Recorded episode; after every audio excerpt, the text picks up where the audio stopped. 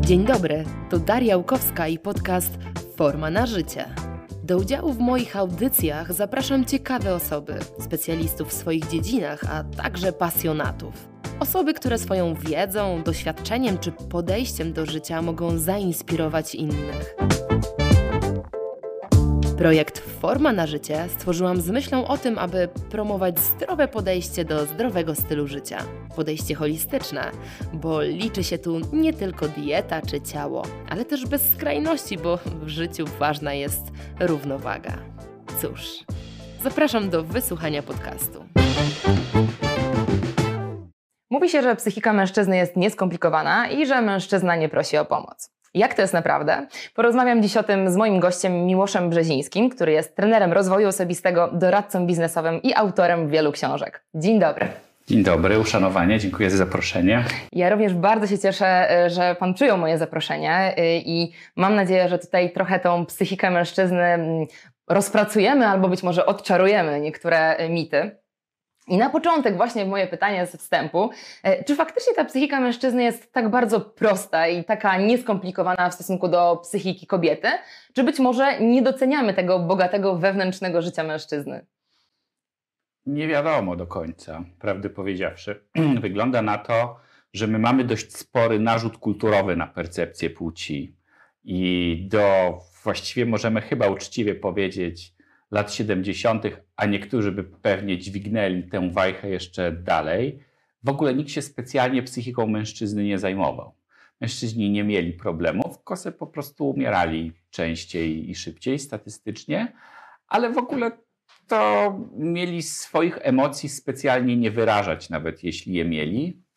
Co do pewnego stopnia było myśleniem niegłupim, i być może warto by było po części do tego wrócić, dlatego że my też z drugiej strony wiemy, że emocje w ogóle to muszą być regulowane. Że jeżeli mnie coś przychodzi do głowy, czy jak śpiewa Natalia Kukulska, bardziej to czuję niż wiem, więc do serca, to nie znaczy, że ja to mam koniecznie powiedzieć. Szczerość nie jest jakąś taką super wartością w życiu jakbyśmy byli wobec siebie szczerzy, szczerzy, to by było nie do zniesienia.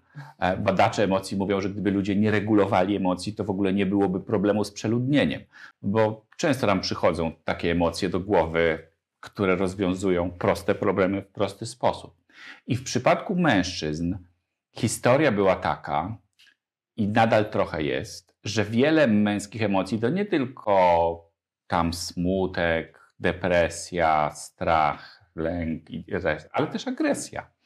I mężczyźni byli historycznie, właściwie możemy powiedzieć, uczeni od początku, żeby swoje emocje, a zwłaszcza te związane z popędem seksualnym i z agresją, regulować. Zresztą, żeby nie cofać się za daleko, większość rytuałów inicjacyjnych na świecie dla mężczyzn właśnie na tym polegała. Że człowiek przestawał być chłopcem, a stawał się mężczyzną, na podstawie egzaminu, który przechodził tam w różnym wieku. To był taki symboliczny egzamin, że chłopiec był odbierany od mamy, udawał się gdzieś z mężczyznami, którzy przygarniali go do siebie i ponosili od tego momentu za niego odpowiedzialność. I tam przechodził taki test, który miał pokazywać, że jak mu coś przychodzi do głowy, to niekoniecznie to musi znaleźć ekspresję. To było mniej lub bardziej symboliczne, ale przytoczmy choćby taki przykład bardzo wydaje się do, dobry pasujący do naszej historii, że chłopcy na przykład byli smarowani gliną na twarzy, która to glina zasychała w takiej pozycji na twarzy neutralnej, czyli wygaszacz ekranu i taki chłopiec miał się potem nago czołgać przez pszczoły lub mrówki.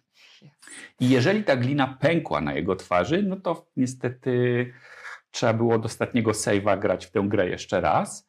Zakładamy, że to pewnie nie było wszystko tak idealne, jak sobie to teraz opowiadamy, ale jednak było to po pierwsze zauważenie, że emocje muszą być regulowane. To znaczy, że jak ja chcę się z jakąś bzykać, to nie znaczy, że muszę koniecznie, bo mi to przyszło do głowy, a jak ona nie chce, znaczy, że mnie jeszcze nie zna, bo wiadomo, że w pewnym wieku młody mężczyzna jest jak silnik od Ferrari zamknięty w karoserii od Trabanta.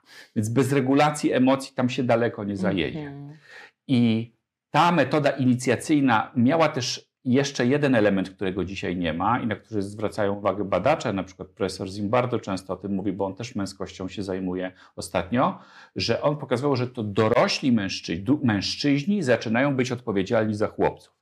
Czyli mężczyźni przygarniają chłopca do siebie i opowiadają, że nie zawsze, że spokojnie, że odczekaj, że są momenty, kiedy taka ekspresja emocji jest zasadna, a są takie, że nie próbuj, bo ulegniesz biodegradacji, tak? że, to, że my się jednak oszczędzamy, a że, co, że coś innego. Wiadomo, że czasy były inne, sytuacje były inne. Kiedyś ludzie byli statystycznie bardziej agresywni niż teraz, wbrew temu, co się potocznie uważa, i łatwiej było stracić w życie w różnych sytuacjach niż teraz, też wbrew temu, co potocznie myślimy, ale pewna idea została taka idea, że chłopcy muszą się regulować w pewnym zakresie, zwłaszcza jeśli chodzi o swoją seksualność i agresję, tak jak że dziewczynki też się mhm. muszą regulować. Tylko jak Państwo i, i, pewnie Pani zauważyła, to czasami idzie w taką koślawą stronę, że, że ręce opadają. Nie? Ale zasadniczo zamysł jest słuszny i za mężczyzn odpowiadali mężczyźni. Mhm. Bo to oni mieli być takimi przewodnikami, że już przez to przeszli, że widzieli, że zrobili, że przeżyli nie przypadkiem, a ci, co tak próbowali, jednak nie przeżyli, bo albo się ktoś na nich zemścił, albo, albo zagadali nie z tą, co trzeba, i potem jednak się jej mąż znalazł gdzieś tam, nie? i tak dalej, i tak dalej. Więc, mhm. a, więc są to, na przykład profesor Zimbardo, wspomniany wcześniej, mówi, że jest to główny taki kłopot, że dorośli mężczyźni odwrócili się od małych że, że, że się nimi nie, nie wprowadzają do tego świata. Bo ten rytuał inicjacyjny, zresztą o czym pewnie Państwo wiedzą, kiedyś dorosłość nie była w ogóle wyborem. Nie, człowiek nie mógł mieć 35 lat się zastanawiać, czy się czuje gotowy, żeby się już z domu wyprowadzić no tak. i czy ma natchnienie, ale jak mama mu zrobi kanapki, to pomyśli, bo na czczo nie może tylko jak miał 6 lat lub 12 lub ileś tam, to po prostu się stawał dorosły, a dziewczynka się stawała dorosła i to już czar mhm. pryskał. Nawet tam niektórzy dostawali imię dopiero wtedy. Więc to nie był wybór jakoś specjalnie. Ten rytuał inicjacyjny był takim symbolicznym odebraniem mamie i przekazaniem do świata mężczyzn, w którym się już trzeba było znajdować, udowadniając, że jak ja się na kogoś zdenerwuję, to niekoniecznie muszę podnosić na niego rękę od razu. Uh -huh. I a, więc był w tym jakiś dobry pomysł, ale potem trafiliśmy w historii świata w tak, taką niezręczną sytuację, żeby nie powiedzieć o niej dramatyczną, która powoduje, że jakby wymyślono wehikuł czasu, to ani osoby kolorowe, ani kobiety nie chciałyby z niego skorzystać, żeby się w przeszłość przenieść, w którym wiele z tych wartości zostało nadwyrężonych, powiedzmy sobie wyraźnie, albo wręcz po prostu skrzywionych w sposób karykaturalnie koszmarny.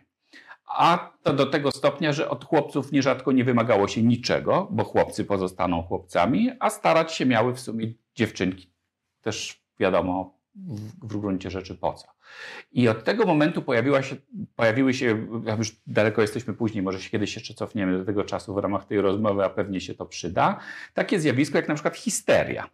Histeria nie jest już diagnozowana, mm -hmm. gdyż to jest paździerz w ogóle psychologiczny, nic takiego nie istniało. Histeria to jest taki narzut, nazwijmy to paramedyczny, żeby nie nazwać gorzej, kulturowy, że komuś się coś chce, a nie powinno. Najczęściej kobietom się chce, a nie powinno. W związku z tym trzeba je leczyć, żeby im się nie chciało, bo przecież nie powinno. My to teraz w e, naszych czasach wymieniliśmy na inny narzut, który oprócz tego, że jest diagnozowany, ale też na przykład ludzie to deklarują, bardzo hojnie szafują tym sformułowaniem, jest to depresja.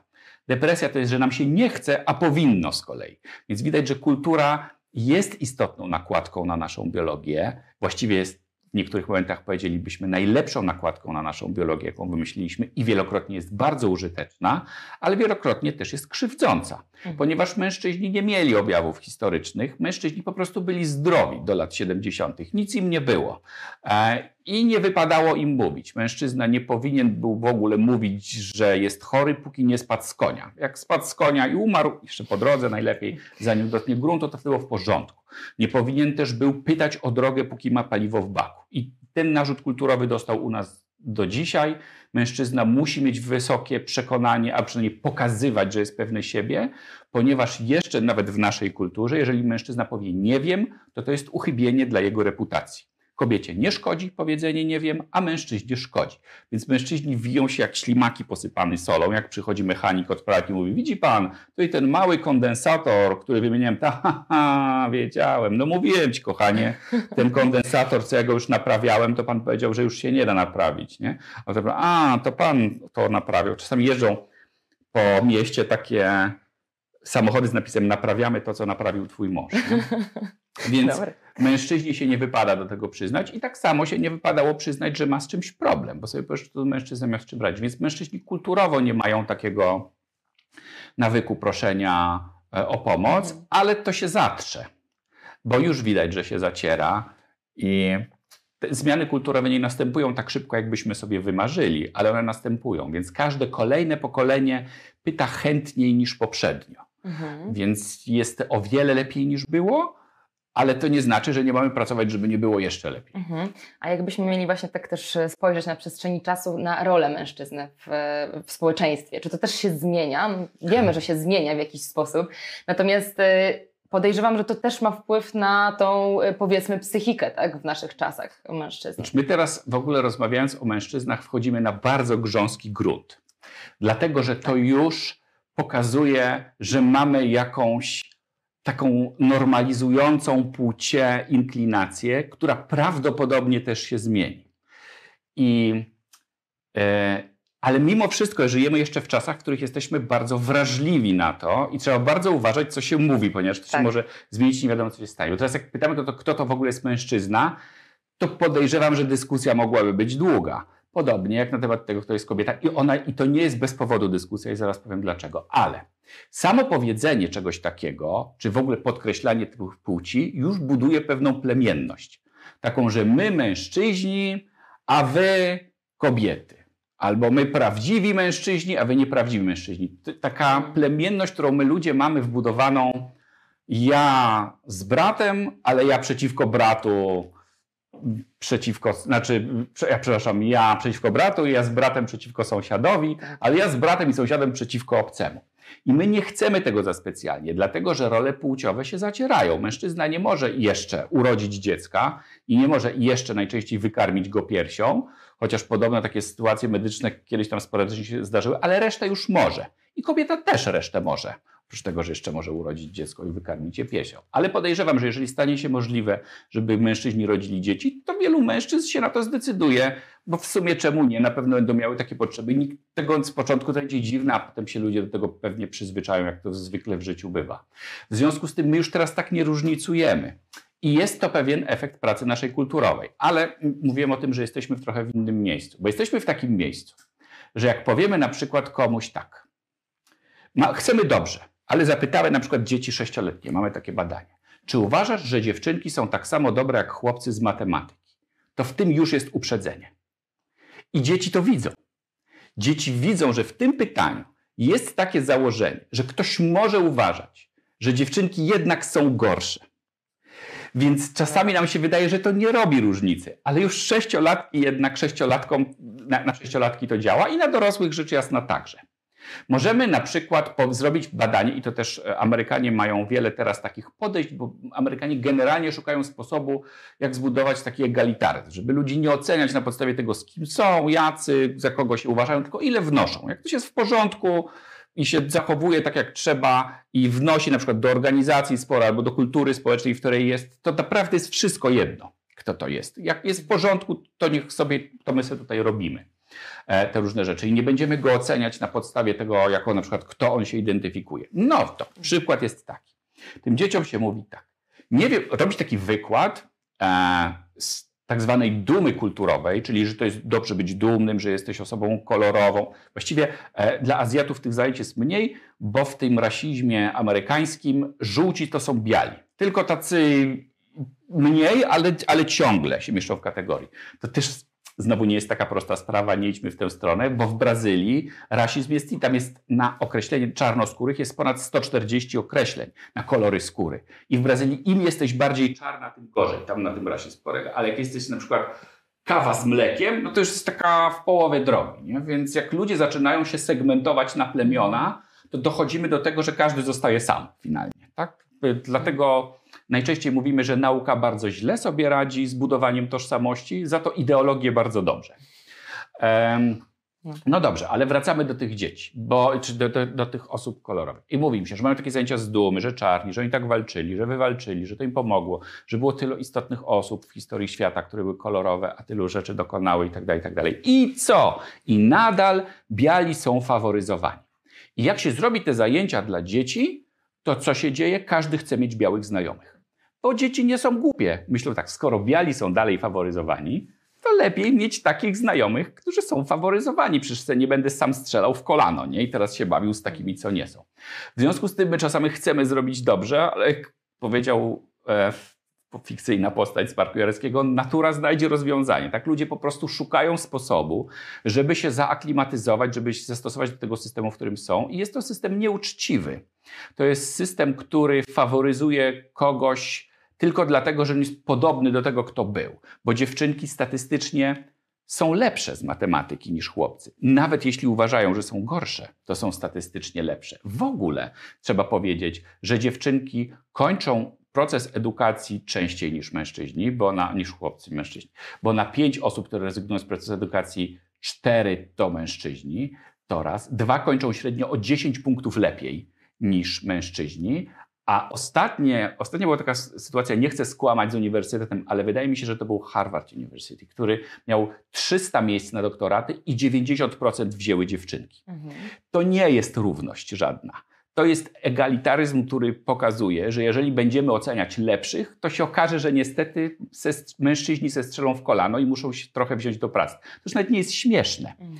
Natomiast mimo wszystko, ponieważ ta fala idzie i jest wstępująca, mamy z drugiej strony jasną statystykę, że jeśli ktoś w Fortune 500, takiej y, liście firm największych, sprawdza, ile, na ile na czele tych firm jest kobiet, a ilu mężczyzn, to mamy dane z 2015 roku, to już trochę stare, ale jednak nie jakieś specjalnie, że kobiet jest tyle samo, ilu mężczyzn o imieniu John. Więc jakbyśmy nie próbowali tej statystyki obejść, to wyjdzie na to, że po prostu podobni wybierają podobnych. Jeżeli była grupa mężczyzn, nazwijmy, powiedzmy o nich grzecznie, w średnim wieku, to oni wybiorą podobnych do siebie co jest niezasadne dla rozwoju biznesowego, dlatego że dziewczynki są statystycznie lepsze. Oczywiście my e, możemy uważać, że, bo to jest też długa strona medalu, nie oszukujmy się i nie idźmy w stronę takiego skrajnego myślenia, bo się natychmiast okaże, być może, że nie tu jest pies pogrzebany. Otóż na przykład niektórzy uważają, że mężczyźni po prostu rozwijają się później, żeby nie powiedzieć wolniej.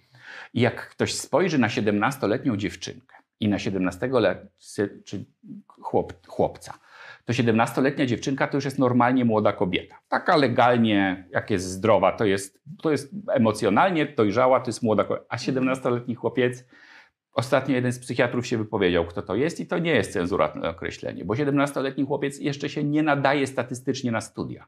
Kiedyś był taki pomysł ze strony nawet Instytutu Psychiatrii w Stanach, żeby chłopcy szli później o rok do szkoły. Dlatego, że chłopcy dojeżdżają, dopiero się mogą skupić nad książkami, jak dziewczynki już dawno mogą. Więc moglibyśmy powiedzieć, że ktoś złośliwie zaplanował proces edukacji w taki sposób, że on po prostu faworyzuje dziewczynki. I będzie w tym jakiś promil prawdy jednak. Tym niemniej, bo y, pytanie było z zupełnie innej bajki. Dlatego ja, pokazuję, jak my się tribalizujemy, mm -hmm. jak, jak, jak, wymyślamy taki podział na dziewczynki, chłopcy. To jest, wiesz, o, jak się o tym mówi w literaturze, to jest tolkienizacja świata. Wszystkie krasnoludy, mówią ze szkockim akcentem, mają topory i brody i nie rozumieją dowcipów. Nie? I to wszyscy oni tam biegną i oni są tacy sami. A wszystkie elfy, tarara, nie ma tak na świecie. Nie ma tak, że biali napadają czarnych i mhm. widać już z daleka na polu bitwy, kto jest dobry, a kto zły. My najwięcej zła czynimy w imię dobra właśnie. Dziewczynki są różne, chłopcy też są różni. Jedni będą chcieli rodzić dzieci, a drudzy będą chcieli w domu głaskać króliczki, a trzeci będą chcieli iść na wojnę, a czwarte dziewczynki też będą chciały coś takiego robić. Więc to jest archaiczny podział, zupełnie niepotrzebny dzisiaj i on się prawdopodobnie wytraci, jak będziemy tak dalej. Już się zresztą wytraca. Ale się wytraci choćby dlatego, że biznes będzie faworyzował te osoby, które zwiększają, e, nazwijmy to elegancko, zwiększają wartość firmy. I tu niestety tego się nie da oszukać. No, jeżeli będą osoby, które są kompetentnie lepsze i mogą to być na przykład kobiety, które mają cele, wiele cech uznawanych kiedyś za kobiece, jak choćby troska, i mężczyźni, którzy nie mają tej troski, to może się okazać, że kobiety z troską, które jednak są pewne siebie, zajadą dalej. I takich kobiet będzie, co, już jest coraz więcej takich kobiet. E, nawet e, muszę powiedzieć, że ja ostatnio dostałem takiego maila od mojej, jednej z moich młodych koleżanek i byłem zaskoczony, bo coś mnie tknęło w tym mailu. I tak człowiek czasami coś czyta, tak coś poruszy i tak. I zacząłem, że pierwszy wyraz w tym mailu, taki ni z gruszki, ni z pietruszki, było tak. Zadecydowałam, że zrobi to, zrobimy to inaczej. Ja sobie zdałem sprawę, że wyraz zadecydowałem widzę pierwszy raz w życiu, jako pierwszy w mhm. mailu. W tej e, pierwszej osobie liczby pojedynczej i w tej jego żeńskiej, że w życiu czegoś takiego nie widziałem. A tam nawet nie było tłumaczenia. Tylko napisane takie niezgórzki. Zadecydowałam, że nagrywałem coś tam, coś. Ja mówię, proszę. Czyli jednak warto było to robić. I oby właśnie takich osób było coraz więcej zadecydowała i po prostu będziemy tak robili teraz. I ja też się czuję jakoś bardziej komfortowo, mhm. bo wolę pracować z kimś, kto ma jakiś pomysł. I on nie musi wiedzieć, co robi, ale jednak zrobione jest lepsze od perfekcyjnego. Więc takich osób na pewno e, będzie coraz więcej i prawdopodobnie mężczyźni trochę się muszą wziąć do pracy, ponieważ troska jest jednym z elementów charyzmy, który nas interesuje. Oprócz opanowania, oprócz dobrej prezencji, i oprócz rzecz jasna przydałoby się wiedzy merytorycznej, ale to w najmniejszym stopniu natomiast troska jest. Natomiast znowu, o czym warto powiedzieć, kobiety statystycznie, kulturowo mają wyższy próg na troskę niż mężczyźni, czyli od kobiet wymagamy więcej troski niż od mężczyzn. I znowu pytanie dlaczego? Moglibyśmy powiedzieć, że e, pewnie dlatego, że to jest e, jakieś złośliwe. I możliwe, że to jest złośliwe, ale możliwe też dlatego, że kobietom jest po prostu łatwiej. Czyli kobiety łatwiej kobietom być kimś troskliwym niż mężczyźni. No i super łatwiej. Ale znowu, jak masz organizację i zespół i on wymaga kogoś troskliwego, to nikt się nie będzie zastanawiał, czy to jest łatwiej, czy nie. Mhm. Tylko będą walili kogoś, kto po prostu jest troskliwy. I dlatego, jeżeli jakiś facet nie będzie potrafił być troskliwy, to wyleci, ponieważ ten zespół będzie gorzej pracował. I nikt nikogo dwa razy nie będzie pytał, za kogo on się identyfikuje, czy za kogo on się ma, czy jak on się urodził, czy słuchał jego rzewnych historii, że mu jest trudniej. Mhm. Więc ta rola mężczyzny na pewno się zmienia, ale ona w ogóle E, cofnijmy się, żeby było ciekawie, do takich czasów historycznych, żeby pokazać, gdzie doszliśmy. To też pewnie zahaczy o parę wątków, ale, ale pójdźmy na wprost. Zaczęło się prawdopodobnie wszystko od tego, na ile sięgamy w śladach takich głęboko archeologicznych. No wiadomo, że my tylko możemy wnioskować na podstawie przesłanek, że kobiety, że kiedyś wszyscy byli równi.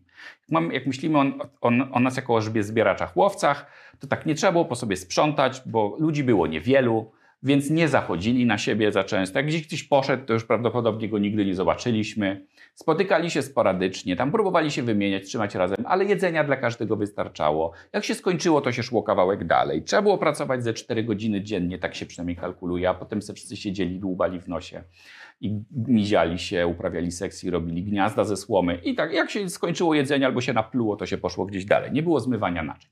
I wtedy nie było ani zbyt wielu wartości, własności, ani, a hierarchia była taka, że to raczej kobiety decydowały. Tak, tak, na to wygląda. Kobiety miały najczęściej trzech partnerów w życiu. Margaret Mead mówi, że w ogóle to jest niegłupi pomysł, żeby pierwszego mieć dla seksu, drugiego dla dzieci, a trzeciego dla przyjaźni, że wtedy się na tym całkiem nieźle wychodzi. E, ale tak było. Ale od momentu, kiedy ludzie pomyśleli sobie to, że raz, że było nas więcej, przyczyn pewnie należy się bardziej doszukiwać w książkach historycznych, bo tam są te teorie opisane. W każdym razie trik polegał na tym, że można było przestać się ruszać. Że przestaliśmy się zastanawiać nad tym, jak dotrzeć do rzeki, a zaczęliśmy się zastanawiać nad tym, jak doprowadzić rzekę do siebie. I jak szukać jedzenia, a jak doprowadzić jedzenie do siebie. Że można zwierzęta hodować, że pole można uprawiać, że to wszystko jest pod domem. I wtedy zadziałała taka historyczna sprawa, że ludzie zaczęli gromadzić majętność. Jedni mieli więcej, a drudzy mniej. I zaraz zrodził się kolejny wątek, kto to dostanie, jak ja umrę. I z tego powodu mężczyźni dość nagle zaczęli być istotni, bo ludzie zaczęli napadać. Zamiast uprawiać, szukać i tak dalej, to się zaczęli między sobą bić, bo w sumie po co latać po polu, jak drugi ma zebrane i wystarczy najechać. Więc większym grupom było łatwiej, bogatszym było łatwiej i nagle priorytetem w naszym gatunku, zwróćmy uwagę, że dziś już w ogóle nie jest to priorytet, było to, że większym jest łatwiej. że jak ktoś miał większą rodzinę, to po prostu trudniej go było zabić. Trudniej mu było, i rodzina była wtedy, jak grupa intymna była dla nas wszystkim, więc i była i służbą zdrowia, i filarem emerytalnym, i miejscem zatrudnienia. W ogóle nepotyzm się pojawił w XIX wieku dopiero. Wcześniej to było oczywiste, że członkowie rodziny dla ciebie pracują. Bo jakbyś powiedział, o, chrzanie to wychodzę w świat, to byś umarła z głodu. Dlatego, że tam wszystkie prace obstawiała rodzina, ewentualnie sąsiedzi, jak się rodzina kończyła. I wtedy mężczyźni zyskali bardzo na wartości, natomiast kobiety stały się, mówiąc brzydko, przedmiotami do przestawiania i do produkcji dzieci. I to tyle. Zobacz, to wszystko jedno, kim się urodziłaś. Mogłaś się urodzić chłopką, a mogłaś się urodzić królową. I tam te królowe tam chodziły na te kursy swoje tam szycia tyłem, francuskiego baletu na klawesynie. To wszystko, jak stawałaś się królową, to se mogłaś to robić, nikt ci nie bronił, ale miałaś rodzić dzieci. To jest po prostu wszystko się sprowadzało do jednej funkcji. Płci męskiej, bo płci żeńskiej też tak średnio. To też jest taka pozostałość dość archaiczna, dlatego że kiedyś było rozróżnienie na mm, teścia, teściową i świekrę i, i, i, i szło się do rodziców męża i nimi się opiekowało. Czyli jak ktoś miał córkę, to nie miał emerytury nie miał się kto nim zajmować, bo ta córka nie miała prawa, zresztą w niektórych kulturach na świecie jest tak do dzisiaj, córka nie ma prawa opiekować się swoimi rodzicami, tylko trafia do rodziców męża. I z tego okresu takiego, e, powiedzmy, takiej potrzeby przyrastania grupowego wzięło się wiele zasad, które mamy do dzisiaj, które uważamy raczej za archaiczne i przestarzałe. Jak na przykład to, że trzeba rodzić dzieci, bo w ogóle to w ogóle inaczej, im więcej, tym lepiej. Zobacz, że kobieta, będąc tym wzmiankowanym przedmiotem do przestawiania, e, nawet zmienia nazwisko, nie? żeby było tak. wiadomo, czyje to teraz jest. Mhm. I e, mamy wiele takich. No, no, no, ślub to już chyba każdy wie, że to jest właściwie impreza rodziców i wesele. Tak? To jest fuzja majątkowa. E, tam młodzi nie mieli wiele do powiedzenia. To nawet się wręcz mówiło, że miłość przeszkadza w, mhm. w ślubie. Bo ale też taki był wymóg. Bogowie stali się bardziej restrykcyjni. Przed tymi czasami, kiedyś środków wystarczało, jak sobie wspomnimy dawnych bogów, to oni ze specjalnie się nie interesowali ludźmi. Tam ganiali po lesie, część była sarnami, część była wilkami, a część końmi. Tam bzygali, bzykali się między sobą, tam się bili, czasami ktoś dostał odłamkiem wulkanu, no to umarł, ale generalnie to oni tam se żyli takim swoim boskim życiem. Odkąd zaczęło się tak, że zrobiło się tak, że dobra stały, stały się dość takim reglamentowanym e, towarem i, i zrobiło się wielu rzeczy zbyt mało, a przynajmniej tak uważaliśmy, że tak się dzieje, bo jak kiedyś powiedział Gandhi, dla wszystkich ludzi wystarczy, ale dla ludzkiej chciwości nie wystarczy. Więc mm, jak się zrobiło wszystkiego za mało, to nagle się okazało, że Bóg, jeden, drugi czy trzeci, zaczął się głównie interesować tym, czy my się dobrze zachowujemy. Jak to, dobra, te jego takie boskie sprawy są nieważne, on tam już nic swojego nie robi, tylko na wszystkich patrzy, czy oni się zachowują tak, jak trzeba. Dlatego też niektórzy badacze religii mówią, że w dzisiejszych czasach być może potrzebujemy trochę innej religii, na przykład Boga, który patrzy, ile śmieci wyrzucamy, nie? A, nie, a nie czegoś, co, co, co już jest archaiczne i nie za bardzo użyteczne. W każdym razie e, i wiele z tych elementów zostało, na przykład posag jest czymś takim. Zresztą co to jest za idea, że ojciec odprowadza córkę do ślubu, i ten mąż jakby przyjmuje, to jest, to jest bardzo rzewne tam w ogóle na komediach romantycznych, to wszyscy beczymy jak bobry, ale że on ją normalnie wymienia za kołdę.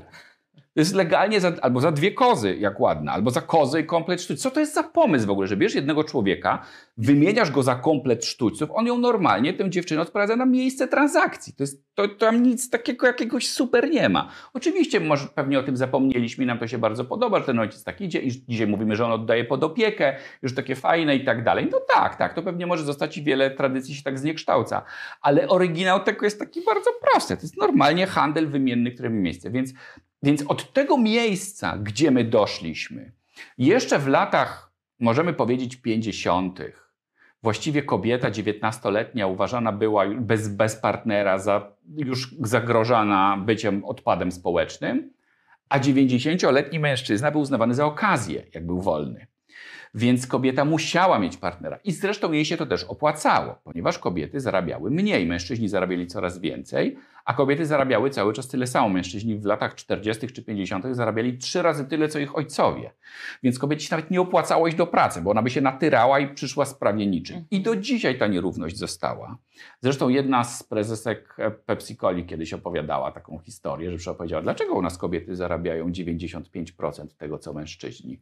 Ale ktoś powiedział, no wiesz, 5% nie ma różnicy. O super, to będą zarabiały 105. Dobra, dobra, to wyrównajmy, nie? Więc my takich historii mamy masę i, i od tego momentu wraz między innymi nie tylko postępem nauki, bo my tu rozmawiamy o racjonalności, rozmawiamy o tym, że wykorzystujemy wiedzę naukową do tego, żeby ludziom było lepiej. Ludziom nie jest lepiej, jak nie wykorzystujemy potencjału grupy społecznej tylko dlatego, że nam się coś przywidziało.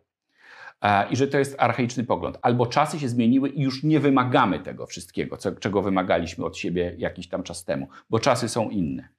W związku z tym wszystkim i z pracami sufrażystek i całej reszty osób zaczęło powoli dochodzić do tego, że to nie było tak, że mężczyzna sobie bierze coś, czy kupuje, żeby być uczciwym, a właściwie to jego rodzice mu kupują, żeby móc zostać akcjonariuszami, tylko że to się zaczęło powoli robić tak, że kobieta jest równa mężczyźnie w związku. I badacze tych relacji interpersonalnych mówią, że to doprowadziło do sytuacji, w której teoretycznie właściwie już zakładamy, że to jest wszystko jedno, kto, kto jest mężem, a kto żoną, bo kobieta może zarabiać więcej, ma taką oczywiście mniejszą możliwość ciągle statystycznie, ale może, a mężczyzna może zarabiać mniej. Też ma taką statystycznie mniejszą możliwość, ale generalnie może. I to właściwie otworzyło drogę dla związków homoseksualnych, bo jeżeli to jest wszystko jedno, to wszystko jedno. To znaczy, że jak ktoś chce być z kimś w związku, to może chcieć mieć dzieci, a może nie mieć. Może mieszkać bez rodziców, a może mieszkać z rodzicami. A mogą to być dwie kobiety albo ktoś identyfikujący się jeszcze tam z LGBTQ, jak sobie żywnie chce, ponieważ te osoby się kochają i mogą sobie być. I jeżeli partycypują w jakichś działaniach społecznych, to proszę. I się kochają, to bardzo proszę. Więc właściwie możemy powiedzieć, że to nie jest żadna rewolucja, która nastąpiła w tej percepcji płci. Teraz już pewnie byśmy powiedzieli, niektórzy uważają, że więcej niż dwóch, bo to też jest takie archaiczne mhm. sformułowanie, ale w, w, do czego doprowadziła ta równość w małżeństwie czy w równość w związku. Małżeństwo nie spełnia już tych swoich funkcji co kiedyś. Ma, ma niewiele takich swoich dobrych funkcji. No jedyne z, jedną z nielicznych dobrych funkcji, która mu została, małżeństwo jest w ogóle drogie, ale jest na przykład to, że małżeństwo dobrze chroni przed szybkim rozpadem związku. Mhm. Czyli trudniej się wynieść z domu, jak to jest twój mąż albo twoja żona.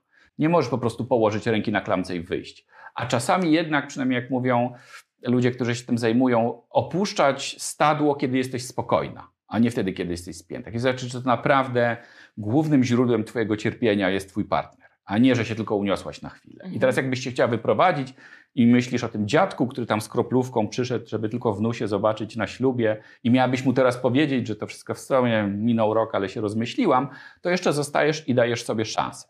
Więc na pewno to, to jest jakaś pozytywna cecha, ale małżeństwo już nie pełni tych funkcji, które pełniło do tej pory. I teraz mamy dane z Kanady i z Stanów Zjednoczonych, ze Stanów Zjednoczonych.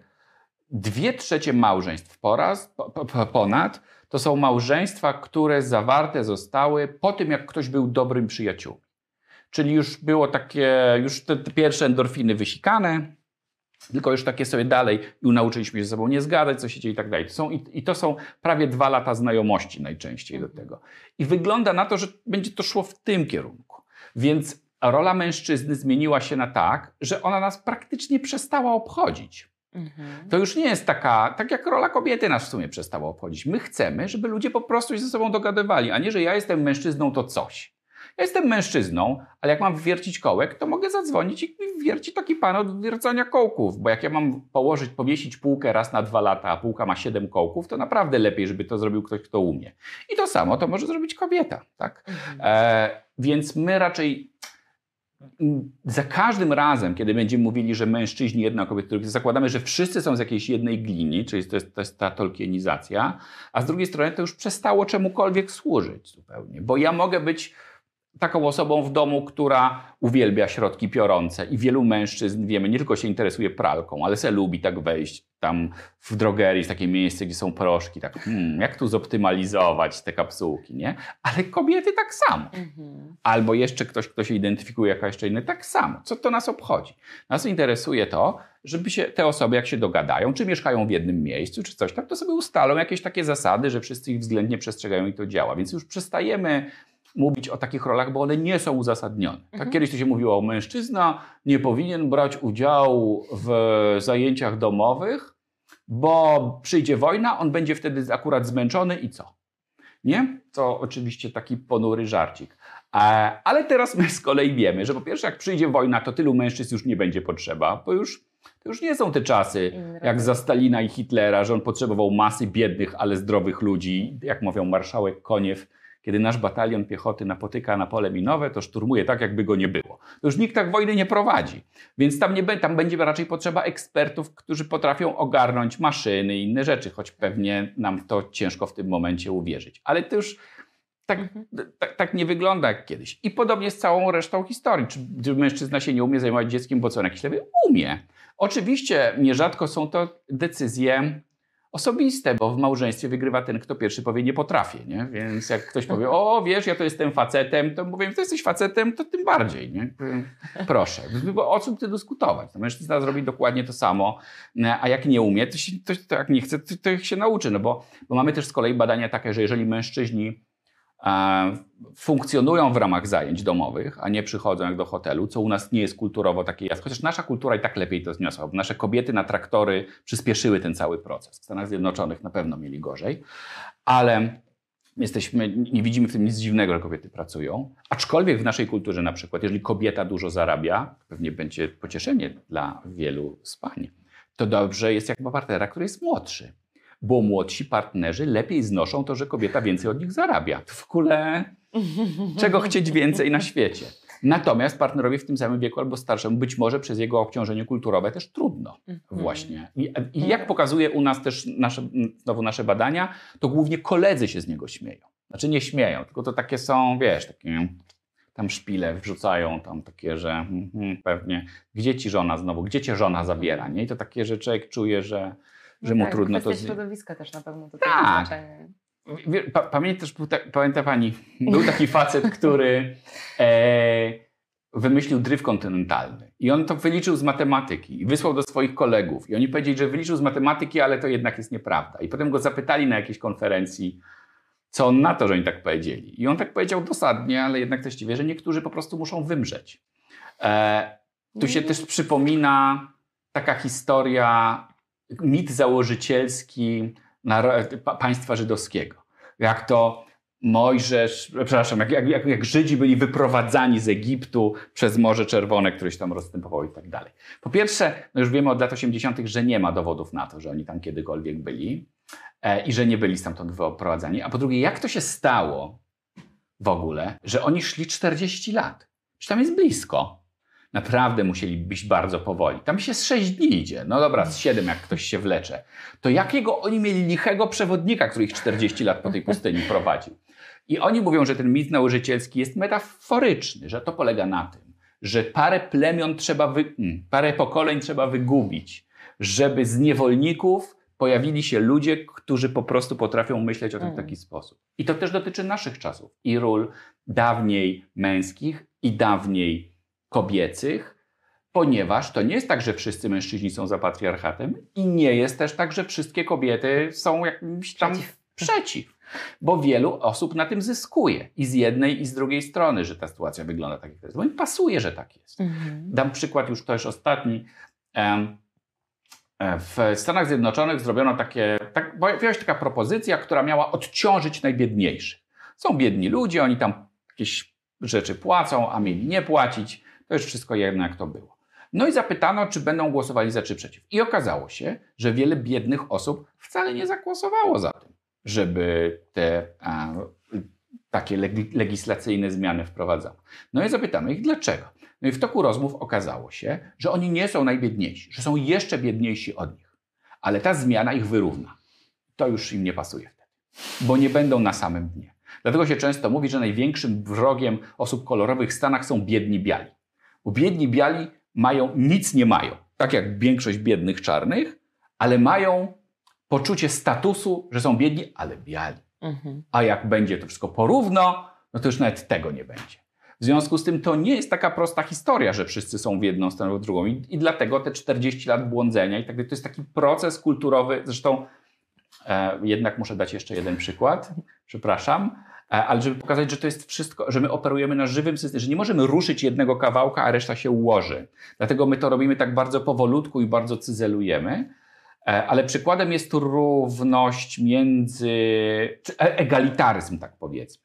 Jeżeli zakładamy taką równość, że nieważne kto jest kim, ważne ile wnosi, to badania pokazują, że im, wie, im bardziej jesteśmy tacy egalitarystyczni, tym bardziej również uważamy, że starsi powinni się usunąć. Czyli to się nazywa takim ageizmem, tak? Takim, że mhm że, że starsze osoby w takim razie, to one powinny mieć takie getta dla osób starszych i tam takie swoje starcze rzeczy robić, co oni tam lubią. Jeżdżą tramwajami na koniec drugiego miasta, bo tam jest jajko, dwa złote mniej. Robią na drutach i oglądają seriale jakieś tam archaiczne w ogóle, nie wiadomo z jakich czasów. Nie? Taki, tak, czyli takie stereotypy. Mhm. I okazuje się, że im bardziej jesteśmy egalitarni, tym bardziej nam przestaje przeszkadzać, że starsze osoby są dyskryminowane. Więc my nie możemy przełożyć wajchy na jedną stronę i powiedzieć, teraz już popłynie.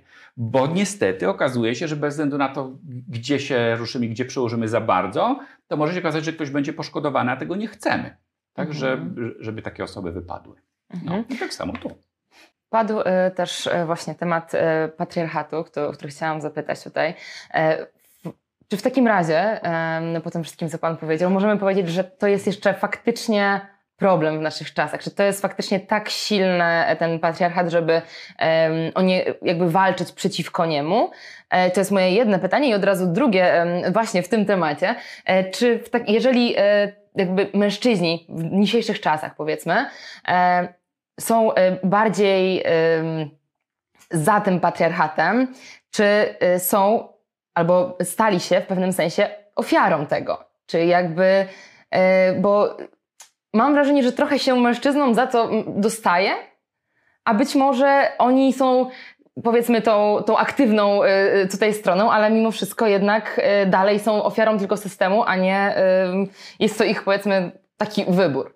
No a czy Niemcy są winni wojnie? No jakby generalnie są, mhm. ale partykularnie to ciężko powiedzieć. No, znaczy, ciężko kogoś winić za to, co zrobili jego rodzice i dziadkowie, ale jednocześnie nie chcemy też o tym zapominać, dlatego że kto nie zna historii, skazany jest na jej powtarzanie, a złośliwie mówią, że kto zna historię, skazany jest na obserwowanie, jak inni to powtarzają. I to też dotyka nas wtedy. Więc tak, ale tutaj to od razu tylko też, e, takie jak e, obserwuję na przykład często wśród e, właśnie starszych pokoleń, no właśnie nienawiść do Niemców na przykład za to, co zrobili kiedyś.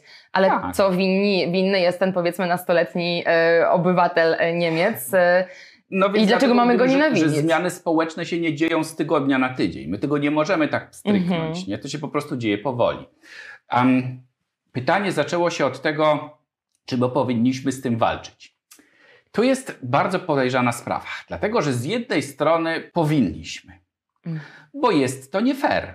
Taki faworytyzm jest nie fair. My chcemy, żeby naj, naj, tak by było optymalnie, najlepsze osoby pełniły najlepsze funkcje, a nie dokonujemy wyboru w taki sposób. Zresztą nie tylko to dotyczy patriarchatu, ale wielu mhm. innych decyzji społecznych, że znajomi, że faworyzujemy wyższych, że wolimy wybrać na prezydenta kogoś, kto lepiej przemawia zambony. To naprawdę? To będzie lepszy prezydent? Czy co to jest za kryterium? To on ma przemawia całe dnie? On robi też różne inne rzeczy. W związku z tym być może taki assessment center, rozmowa selekcyjna na prezydenta czy premiera powinna wyglądać inaczej. Nie? Więc to jest to jeden z takich elementów. Ale z drugiej strony to w nas buduje agresję. Budowanie czegoś, w e, myśleniu o tym, przeciwko czemu my się stawiamy, mhm. jest jazdą w ścianę, dlatego że to nam nie definiuje kierunku. To może się okazać, że my zamiast się zastanawiać, jak się wszyscy mają dogadać, jak wszyscy mamy coś zrobić, jak coś wspólnie zbudować, żeby to działało względnie nieźle, a na pewno lepiej niż do tej pory, jest lepszym pomysłem. Bez rozdzielania na ustalenie, kto jest kim, kto stał wtedy, kiedy tam inni stali, to on tam stał wtedy, a teraz stoi tu, gdzie oni nie, nie stali. Tylko jak, w jakim mamy, jaką sytuację, jakie są czasy, jak to ma wyglądać. Można być skrajnym konserwatystą prawicowym, ale skrajnym lewicowcem też można być czerwoni kmerzy czy Mao to jest skrajny, skrajny liberalizm. To jest argument, który mówi, e, że stary rząd trzeba podpalić, najlepiej puścić z dymem. To jest mówi tak, że każda, um, że wszyscy powinni być, że wartości liberalne są ważniejsze, a wszystkie tradycyjne są do puszczenia na stosie. I który mówi, że prawo może użyć siły i cenzury, żeby ograniczyć mowę nienawiści i nietolerancji. To jest skrajny liberalizm. Normalnie w taki, taki, takie ma trzy reguły. Jak się Państwo z tym zgadzają, to już się można nad tym zastanowić. Znaczy, ja czuję wewnętrznie, że to jest niegłupi pomysł, ale też wiem z badań, że jest on głupi, mhm. bo to mhm. po prostu do niczego nie prowadzi. Ruchy nieagresywne mają, są efektywność społeczną dwukrotnie większą niż ruchy agresywne.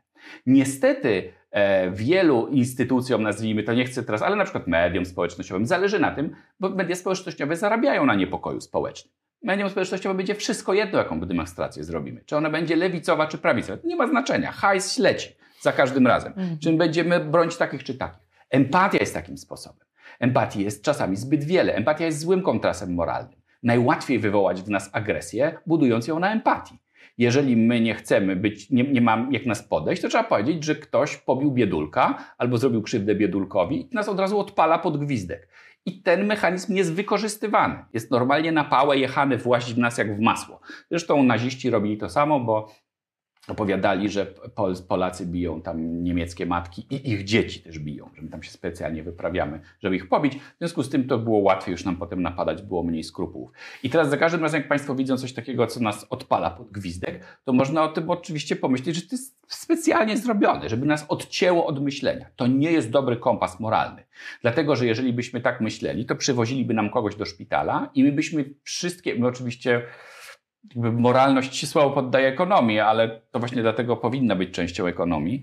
Natomiast jakby to, to myśmy wszystkie pieniądze włożyli, żeby uratować jedno dziecko. A co z mhm. następnym? To zaraz przyjedzie następne. Tak? I co mamy? Więc, więc jednak nie chcemy tego kłaść na szale. Chcemy iść za głosem serca, ale głos serca jest złym kompasem moralnym w tym kontekście. Dlatego też mówiło się nierzadko, i to, był, to była historia, która od, od dawien, od, od, od, od, wielu lat się powtarzała, już od czasu właściwie sufrażystek, że kobiety, bo w tamtych czasach ten podział był siłą rzeczy e, wyraźny, ale jak mówimy, to był swego rodzaju podział archaiczny, tak jak w latach 80. w Polsce nie było samobójstw, nie? czy tam wcześniej. No bo jak można było, że w, to dzisiaj jest 15 dziennie, ale wtedy nie było żadnego, no w dobrym kraju to przecież jest ok. Więc w tamtych czasach też było wiadomo, że na wojnie kule nie wybierają swoich przeciwników i swoich celów, ale w mieście już tak. I policjanci nigdy nie chcieli strzelać do kobiet. Kobiety były zawsze nośnikiem moralnym. Warto, kobiety, jak się opowiadały po jakiejś stronie, to to już kurna była jakaś bardziej grząska historia. To to już trzeba było na to uważać. I y, jednak kobieta potrafiła mm, zatrzymać cały kordon policji, bo nie można było jej ruszyć. Były przypadki też w Wielkiej Brytanii, kiedy protestowała kobieta i nie tylko e, dokonała bardzo poważnego przestępstwa podczas demonstracji, ale i miała zostać skazana na dożywocie, znaczy na karę śmierci, tak jak reszta mężczyzn, ale ją w ogóle skazano na, dożywo, na dożywocie i wypuszczono, bo ludzie się tak bardzo bali rozruchów społecznych. I to jest jeden z elementów, który jest w ogóle ważny z perspektywy psychologii społecznej i socjologii, że my nie funkcjonujemy do końca demokratycznie. To nie jest tak, że większość musi zadecydować. Zresztą sami Państwo wiedzą, że to tak nie działa. U nas mniejszość może być tak uciążliwa, że trzeba jej słuchać. I zawsze tak było. Dlatego to nie jest tak, że możemy wziąć jakąś grupę społeczną i ją po prostu wysunąć za nawias i niech ona tam się encystuje w jakimś swoim getcie i se jest. Ta mniejszość, jeżeli my się z nią nie ułożymy i nie, do, nie będziemy chcieli z nią prowadzić dialogu, to będzie tak uciążliwa, że prowadzenie naszego normalnej, naszego pomysłu będzie niemożliwe do zrobienia. I kobiety żywotnie z tego skorzystały, tak jak ruchy LGBT, LGBT+, które teraz Q+, które są te, teraz e, bardzo aktywne i poniekąd w sumie słusznie, bo to też jest trudno kontrolować. To nawet jest trudniej kontrolować, jak mówią Amerykanie, niż, mm, niż segregację rasową, bo w segregacji rasowej było widać, jakie ty czarna, a ja biały, no to już widać, ale my nigdy nie wiemy, w jakiej rodzinie urodzi się jaka osoba. I, I dlatego to z siłą rzeczy jest skazane na porażkę. Tego się po prostu nie da poukładać w żaden sposób. Tak? Hmm. Z tym się, to, trzeba się w tym systemie dogadać. Po prostu nie ma innej możliwości. A myślenie, przeciwko czemu ja funkcjonuję, doprowadza mnie w pustkę. Bo to jest takie podejście nastolatka. Tak? Ja, będę, ja nie wiem, kim będę, ale na pewno nie taki jak moja matka. Nie? Czyli jaki? No to nie wiem, ale wiem, jaki nie będę. Nie? Więc definiowanie celu przez zaprzeczenie raz, że jest mniej satysfakcjonujące, bo doprowadza do ulgi, a nie do przyjemności i satysfakcji na końcu, a dwa, że nie definiuje celu w żaden sposób. My raczej szukamy sposobów, który jest trudny, jest wieloaspektowy i wymaga dialogu. Tu możemy powiedzieć dla ciekawostki, że demokracja liberalna nie jest już najczęściej uznawana za najlepszy pomysł społeczny, jaki mógł powstać w historii, że raczej demokracja deliberacyjna jest uznawana za coś lepszego, jeżeli już. I czyli taka, że ludzie generalnie rozmawiają, bo, bo ciężko jest, nawet demokra demokracja liberalna przede wszystkim zostawia poza sobą bardzo długi ogon biedy. I nikt z tym niczego nie robi. E, I przez długie lata zamiatano pod dywan, a teraz jest coraz ciężej. Ale że, że budowanie dialogu i zastanawianie się, co my mamy teraz razem zrobić. Mamy jakąś taką schedę, mamy jakieś takie narzuty, tym bardziej, że moje uprzedzenia, na przykład płciowe, są dla mnie nieuświadomione.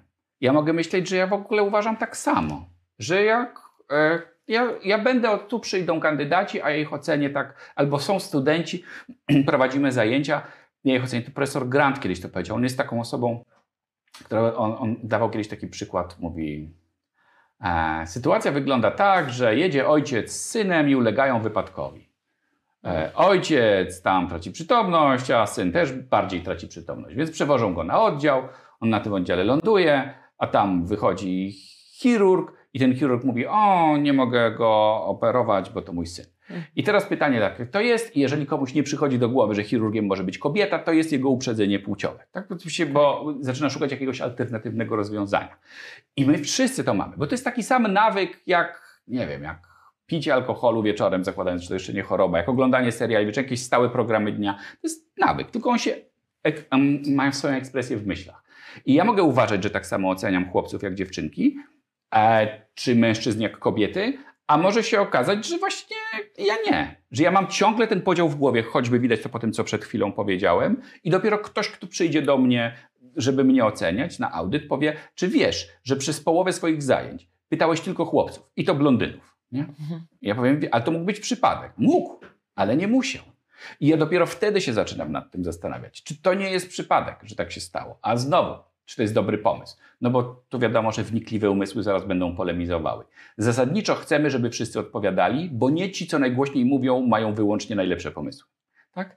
Więc jeżeli chcemy doprowadzić do wysokiego jakości poziomu rozwiązania, to powinno się ujawnić jak najwięcej osób. Także ci, którzy potrzebują specjalnej zachęty. Nie tylko ci, którzy są charyzmatyczni, są duszami towarzystwa, czyli jak mówi przysłowie, zajmują się głównie duszeniem towarzystwa. Więc optymalnie by było, gdyby było tak, żebym ja zapytał wszystkich tak racjonalnie z punktu widzenia wiedzy, którą mamy, a nie pytał, co mnie się wydaje, bo ja to właściwie nawet nie wiadomo skąd bym to wziął, ale po prostu to mam. Tak? I, ja, I dlatego jednym z ważnych elementów jest krytyczne patrzenie na siebie, gdzie ja mogę nie mieć racji. I to jest trudne. Profesor Kahneman mówi, że to w ogóle będzie trud dzisiejszych czasów. Jak komuś zwrócić uwagę, żeby on w ogóle chciał słuchać. A nie sobie powie, że ja taki jestem, nie chcesz chyba mnie zmieniać, albo Teraz właśnie zrozumiałem, nie? No mówimy, nie, ale tam coś może inne. Nie, nie, inaczej nie, bo tylko tak. To w ogóle jest moja tożsamość, nie wolno tego dotykać, nie? Więc, więc jest wiele takich e, trudnych historii i pytanie jest na czy, czy, czy definiować swoje cele przy, na, przez walkę z czymś, to my mamy takie historyczne przykłady i to są przykłady, które, w których jeżeli e, dojdzie do przełamania, to pytanie, gdzie ten ruch ma postawić hamulec w takim razie załóżmy, że dochodzi do takiej sytuacji jak para w seksmisji, to kto zahamuje te osoby, które zyskały taką władzę? Mhm. Co się skończy tak samo jak, jak, jak mężczyźni. Jakby te, tak, zatoczy takie wielkie koło. Tak, że, że, że, no, więc my, a my już historycznie wiemy, że to nie jest ten sposób w takiej sytuacji, w której jesteśmy. Mhm. Czyli e, jeżeli chodzi o jakby tu i teraz patriarchat, możemy powiedzieć, że on jest? Statystycznie na pewno. Statystycznie na pewno jest tak, że decyzyjne osoby jeszcze mają na tyle decyzji, że będą ułatwiały w nieuzasadniony e, sposób pozyskiwanie różnego rodzaju e, społecznych czy pozycji, czy, czy nawet funduszy, czegokolwiek, społecznych korzyści osobom, które są podobne do nich, mhm. a najczęściej w takim razie to będą mężczyźni. Tak, bo faworytyzm na tym wygląda. Faworytyzm polega na. Faworytyzm niestety ma taką swoją mroczną stronę, że my często nie wiemy, że on jest. Badaczka faworytyzmu, która sama się na to e, często nabiera, ma dużo takiej autorefleksji. Ona mówi, że kiedyś miała jakiś taki problem, siedziała w szpitalu i było bardzo miło, bo mm, tam jest, zrobiła jakąś, miała uraz ręki. Ścięgna i uciekła i w ogóle nie może ruszać palcami. Panika, siedzi w izbie przyjedź. No i nagle przychodzi, wszyscy są mili, wszystko jest super. Nagle przychodzi pielęgniarka i mówi do niej tak, ojej, to pani, tutaj jest pani profesor? O, wiesz, jak to profesor, jak patrzą tam. Tak, a my się znamy? Tak, bo ja byłam na pani na udziale i w ogóle chodziłam na zajęcia. A co pani się stało? No wie pani, no ja mam tutaj taką tą, no ja tu siedzę sobie. Nie, nie, to proszę ze mną. Prowadzi ją na drugi koniec szpitala. Kobieta ma w pół godziny operację, bo chirurga ściągają z jakiegoś tam innego miejsca, który był. I o, bo to jest moja pani profesor, ja ją bardzo cenię, ona musi mieć sprawne ręce, bo ona pisze świetne książki, nie możemy sobie pozwolić. I ona wychodzi. I to jest faworytyzm. Ona było jej dobrze i nawet nie wiedziała, że może czegoś takiego mhm. dostąpić. Nie myślałaby o tym wcześniej. Było w porządku, zgodnie z procedurą, wszyscy mili, proszę usiąść, zaraz się panią zajmiemy i tak dalej. A faworytyzm polega na tym, że jest ci łatwiej niż komuś innemu, a inne osoby dostają zbędne przeszkody, niczym nieuzasadnione. Nie dlatego, że są gorsze, że są jakieś, tylko właśnie z jakiegoś takiego abstrakcyjnego powodu, że niscy to coś tam, mhm. a wysocy to coś tam. Zresztą najsilniej korelującym z sukcesem w życiu mężczyzny jego własnym czynnikiem jest długość kości udowej. Im mężczyzna wyższy, tym większa szansa, że odniesie sukces życiowy. Więc to pokazuje, jakie to jest wszystko racjonalne bardzo. Hashtag bardzo. Mhm. Czy w takim razie rozwiązaniem e, są tutaj e, parytety i tutaj spotkałam się z taką definicją jak pozytywna e, dyskryminacja i zastanawia mnie temat głównie tutaj na przykład mogę podać przykład miejsc na uniwersytetach mhm. i Kiedyś wspominałam ten temat u mnie na Instagramie. Jak była ta akcja Nie czekam 106, 107 lat, coś takiego. No generalnie, żeby właśnie wyrównanie tych, tych wszystkich szans kobiet, mhm. między innymi właśnie w płacy czy e, w kontekście kierunków studiów. E, no i na jakiejś uczelni w Polsce, nie pamiętam, e, która to uczelnia, na kierunki informatyczne, techniczne kobiety mają za sam fakt bycia kobietą dodatkowe punkty. Tak jak niepełnosprawne osoby też. Mhm. I odezwała się wtedy do mnie w wiadomości prywatnej dziewczyna, która chyba studiowała programowanie, zajmowała się na pewno tym tematem i powiedziała, że ona się nie czuje ok z tym, że sam, sam fakt posiadania jajników, ona dostaje dodatkowe punkty, że ona chce tra być traktowana na równi. To też, e, co gdzieś tam pan w międzyczasie mówił, że płeć ok, ale po prostu każdy człowiek w jakimś sensie równy. Równy to, to nie oznacza znaczenie? tyle samo. Tak, tak. tak przynajmniej w tym kontekście. Nie? No właśnie i tutaj jakby ten, ten przykład y, w tej akcji społecznej był właśnie, że no bo na tych kierunkach, kierunkach technicznych nie ma kobiet. No i tutaj pokazuje się y, druga kontra, jak, znaczy tutaj kontra jest taka, że dlaczego na kosmetologii z kolei mężczyźni kosmetologii głównie nie wybierają. Dlatego, że nie lubią tego tematu, czy dlatego, że czuliby się głupio społecznie. To też jest y, no, zdecydowanie pytanie. I z kolei kolejny, jeszcze ostatni taki przykład. E, ostatnio głośno też było o temacie, wydaje mi się, że to była łódzka filmówka, mm, że większość miejsc wolnych, a tam jest mało miejsc rocznie, e, zajęły kobiety, e, dlatego, że po prostu były lepsze w tak. rekrutacji. Mhm. A gdyby był jakby ten obowiązkowy podział miejsc, czyli pół na pół na przykład, no to nie, nieważne byłyby umiejętności tych kobiet, tylko ważne byłoby, żeby połowa była mężczyzn. Ale w, często obserwujemy to w drugą stronę, właśnie, że na siłę powiedzmy e, y, mówimy, że gdzieś nie ma kobiet, ale być może są jakieś, jakaś forma predyspozycji i nie mam tu na myśli, że ma to być niedostępne, e, że y, chcemy faworyzować płeć, tylko właśnie, żeby to totalnie było niezależne od płci, bo tak. parytety robią to, że jednak dalej się trzymamy tego podziału. Tak, e, no tak, no to są dwie strony medalu. Jedna strona medalu jest taka, że rzeczywiście ktoś może się poczuć nie fair z tym, że, zostaje, że, że przyjęto go dlatego, że jest że ma jajniki, jak powiedziała ta pani, a nie dlatego, że jest lepsza, chciałby się czuć, że jest w porządku. I mamy na to badania również e, na przykład z Izraela, w Izraelu sprawdzano, czy dziewczyny, czy kobiety umieją lepiej matematykę niż chłopcy i okazuje się, że umieją lepiej, jak się podpisują na testach. E, przepraszam, jak się nie podpisują na testach. Jak się podpisują, to umieją gorzej. W związku z tym ta silna ciągle percepcja funkcjonuje. Ale z drugiej strony, yy, czy, czyli właściwie to by był zły pomysł, byśmy powiedzieli. Ale nie wiemy do końca, czy to jest zły pomysł, bo mamy do czynienia ze swego rodzaju anomią, z której próbujemy wyjść. Teoretycznie dziewczyn powinno być więcej. Nie porówno, dlatego że system edukacji sprzyja dziewczynom. On jest dla nich, one bardziej pasują do systemu edukacji. Na przykład mniej się wiercą, statystycznie oczywiście. Statystycznie wiemy, co to statystyka, nie? Jak Pewnie. pani je kapustę, a ja mięso, to jemy gołąbki. To jest statystyka. Więc statystycznie dziewczyny mniej się wiercą. A dla chłopców krzesła to drabinki bardziej. Mhm. Więc jeżeli mamy uważać, czy każdemu według zasług, to dziewczyn, się po prostu wszędzie zrobi więcej. Tak jest. E, i, i, I prawdopodobnie tak by się skończyło i zobaczymy, co z tym zrobić. Ale na przykład po wojnie też jest czasami taka sytuacja. To też jest sytuacja, która jest jakąś anomią. Ludzie nie mają pieniędzy. Czy wolno okradać groby? Nie wolno. Ale po wojnie ludzie nie ganiają się tak za to, że ktoś komuś. Czy można mieć więcej niż jednego partnera? No w naszej kulturze nie wypada. Pewnie znowu byśmy powiedzieli celnie, że mężczyźnie bardziej niż kobiecie. Ale nie wypada.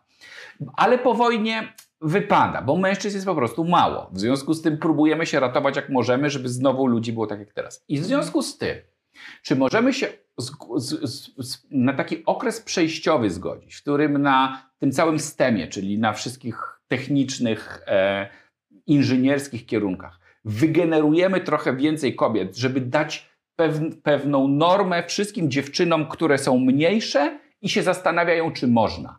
I zobaczą coraz częściej, że pod mostem stoi kobieta w kasku i mówi, że zbudowała, a przy na dźwigu też zbudowała, a pani architekt opowie, a pani coś tam. Czy to nie jest taki moment? Czy, bo z takiej indywidualnej perspektywy to mnie kosztuje emocjonalnie, ale też znowu warto zdawać sobie sprawę z tego, bez względu czy mamy liberalne zapatrywania czy konserwatywne, że grupie społecznej każda dorosła osoba jest coś winna. Czyli, że my musimy się trochę podporządkować dla takiego tak zwanego wyższego porządku społecznego, żeby pomóc całej reszcie. Zresztą człowiek porządny, nazwijmy to, balansuje dobro własne z dobrem wspólnym. I czy to być może byłby dobry pomysł, żeby te, tych dziewczyn było więcej, żeby to się zrobiło po prostu normalne, a potem już przestaniemy, bo teraz mamy taki moment właśnie. Tak teraz, tak jak po wojnie, no? bo to jest trochę po wojnie. Była taka wojna, powiedzmy, kulturowa, ale jednak. Nie? Po tej wojnie został, została tam czeluść, został lej i trzeba go wypełnić. I wymyślamy taki sposób, żeby te osoby zapełnić. I okaże się, że to będzie można z tego zrezygnować, tak jak z poligami po wojnie, nie? jak już się to Mhm. trochę odkuje. Nie potrafię odpowiedzieć na to pytanie, bo wiadomo, że nie wiadomo. Jest to być może taka próba, ale na pewno nie taka, żeby komuś zrobić przykrość, że on taki jest. Więc ja, czy ja wtedy chowam tę swoją przykrość, jeżeli tak to rozumiem.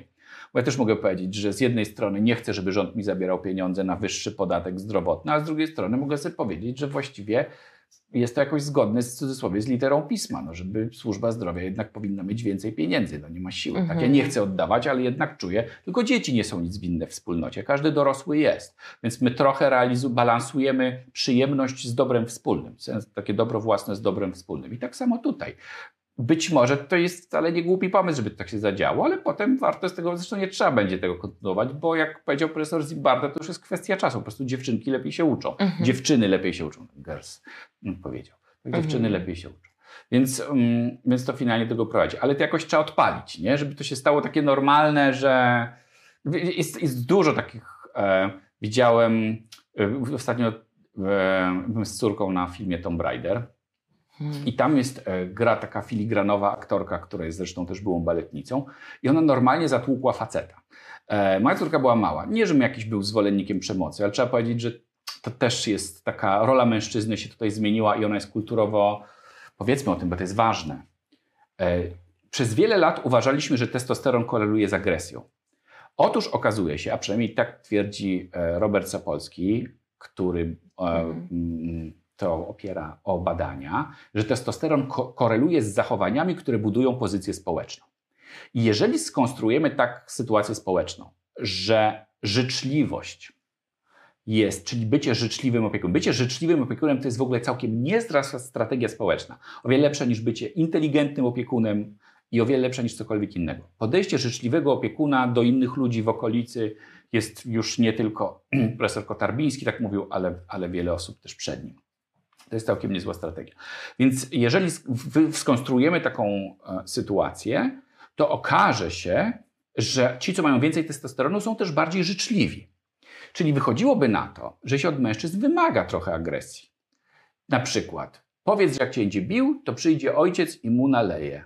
Albo powiedz siostra, że jak cię jeszcze raz zaczepi, to go tak dojadę, że go zdejmie z szachownicy, nie?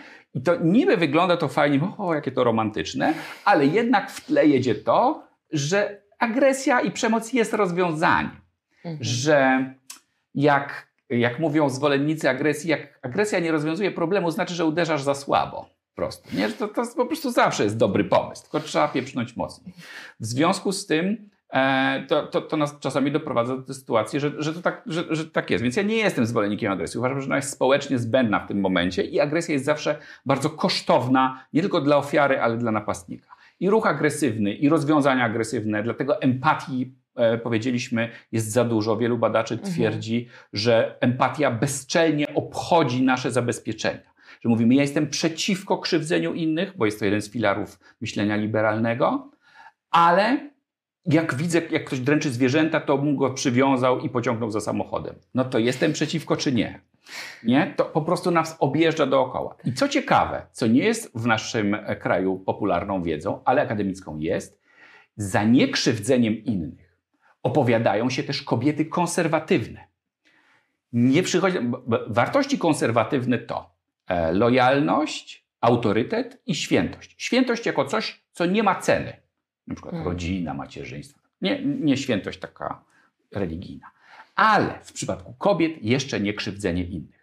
Co jest bardzo zaskakujące, bo mężczyźni nie mają tej wartości i kobiety, a, a dla liberalizmu to jest jedna z kolejnych ich trzech fundamentalnych wartości. Tak? Tam oprócz wolności, troski i, i właśnie niekrzywdzenia innych. Więc w zasadzie to jest taka bardzo ogólnoludzka cecha, która jest istotna. Więc dlatego teraz, jak już o tym wszystkim zostało powiedziane, to możemy powiedzieć właściwie co jest ciekawego w sytuacji z filmu Tomb Raider.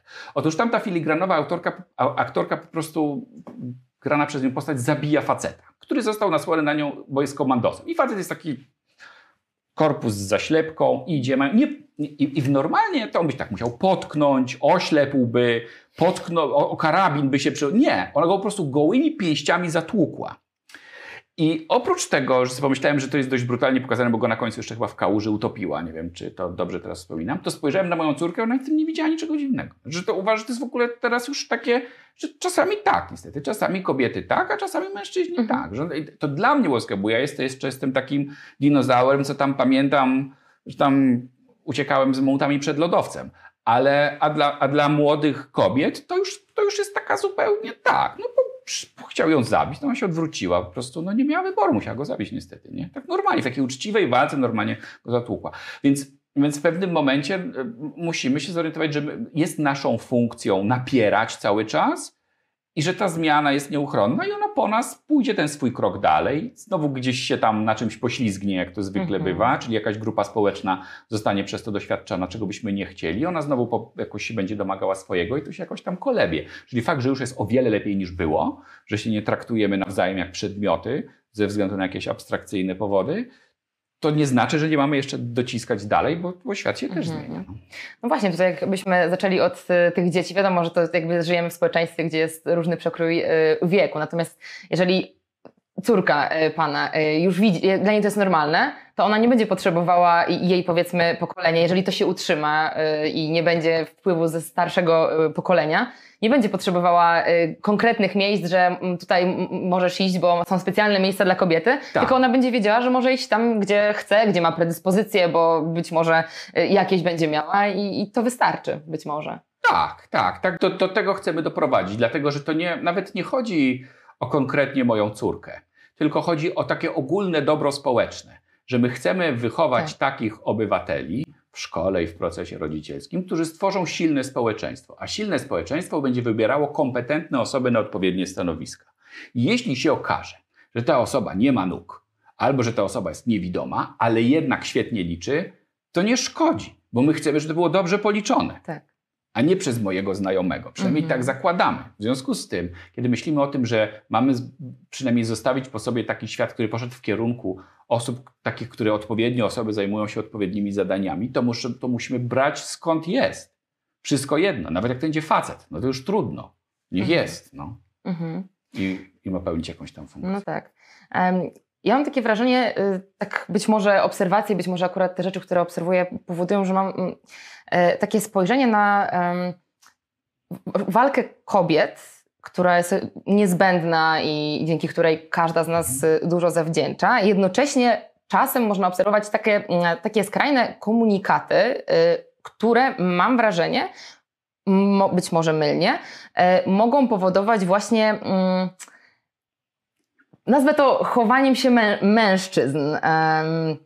Ta No. silna kobieta, która jakby żąda swoje, swego, mówiąc stereotypowo właśnie kobieta i mężczyzna po prostu, e, czy nie powoduje to, w sensie ja bardzo się cieszę, że to się dzieje ze strony kobiet, ale patrząc z perspektywy mężczyzn, czy to nie powoduje takiego mm, być może wycofania się, bo obserwujemy też e, z perspektywy na przykład zdrowotnej, no, że jednak e, ci mężczyźni mają bardzo często teraz problem, właśnie chociażby ten testosteron, niski poziom testosteronu, który powoduje problemy ogromne z motywacją, z samopoczuciem, jakby z mm, tą chęcią działania i z uczuciem sprawczości takiej. Mhm.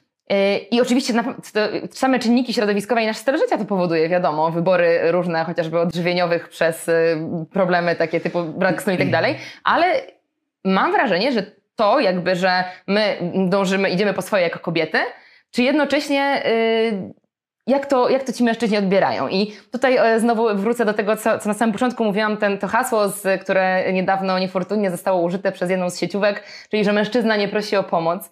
E, czyli jeżeli mężczyzna nie prosi o pomoc, a ta kobieta jeszcze sobie da radę bez mężczyzny, bo y, to cudowne, że możemy teraz właśnie żyć w związkach partnerskich, nie musimy jako kobiety być zależne od mężczyzn.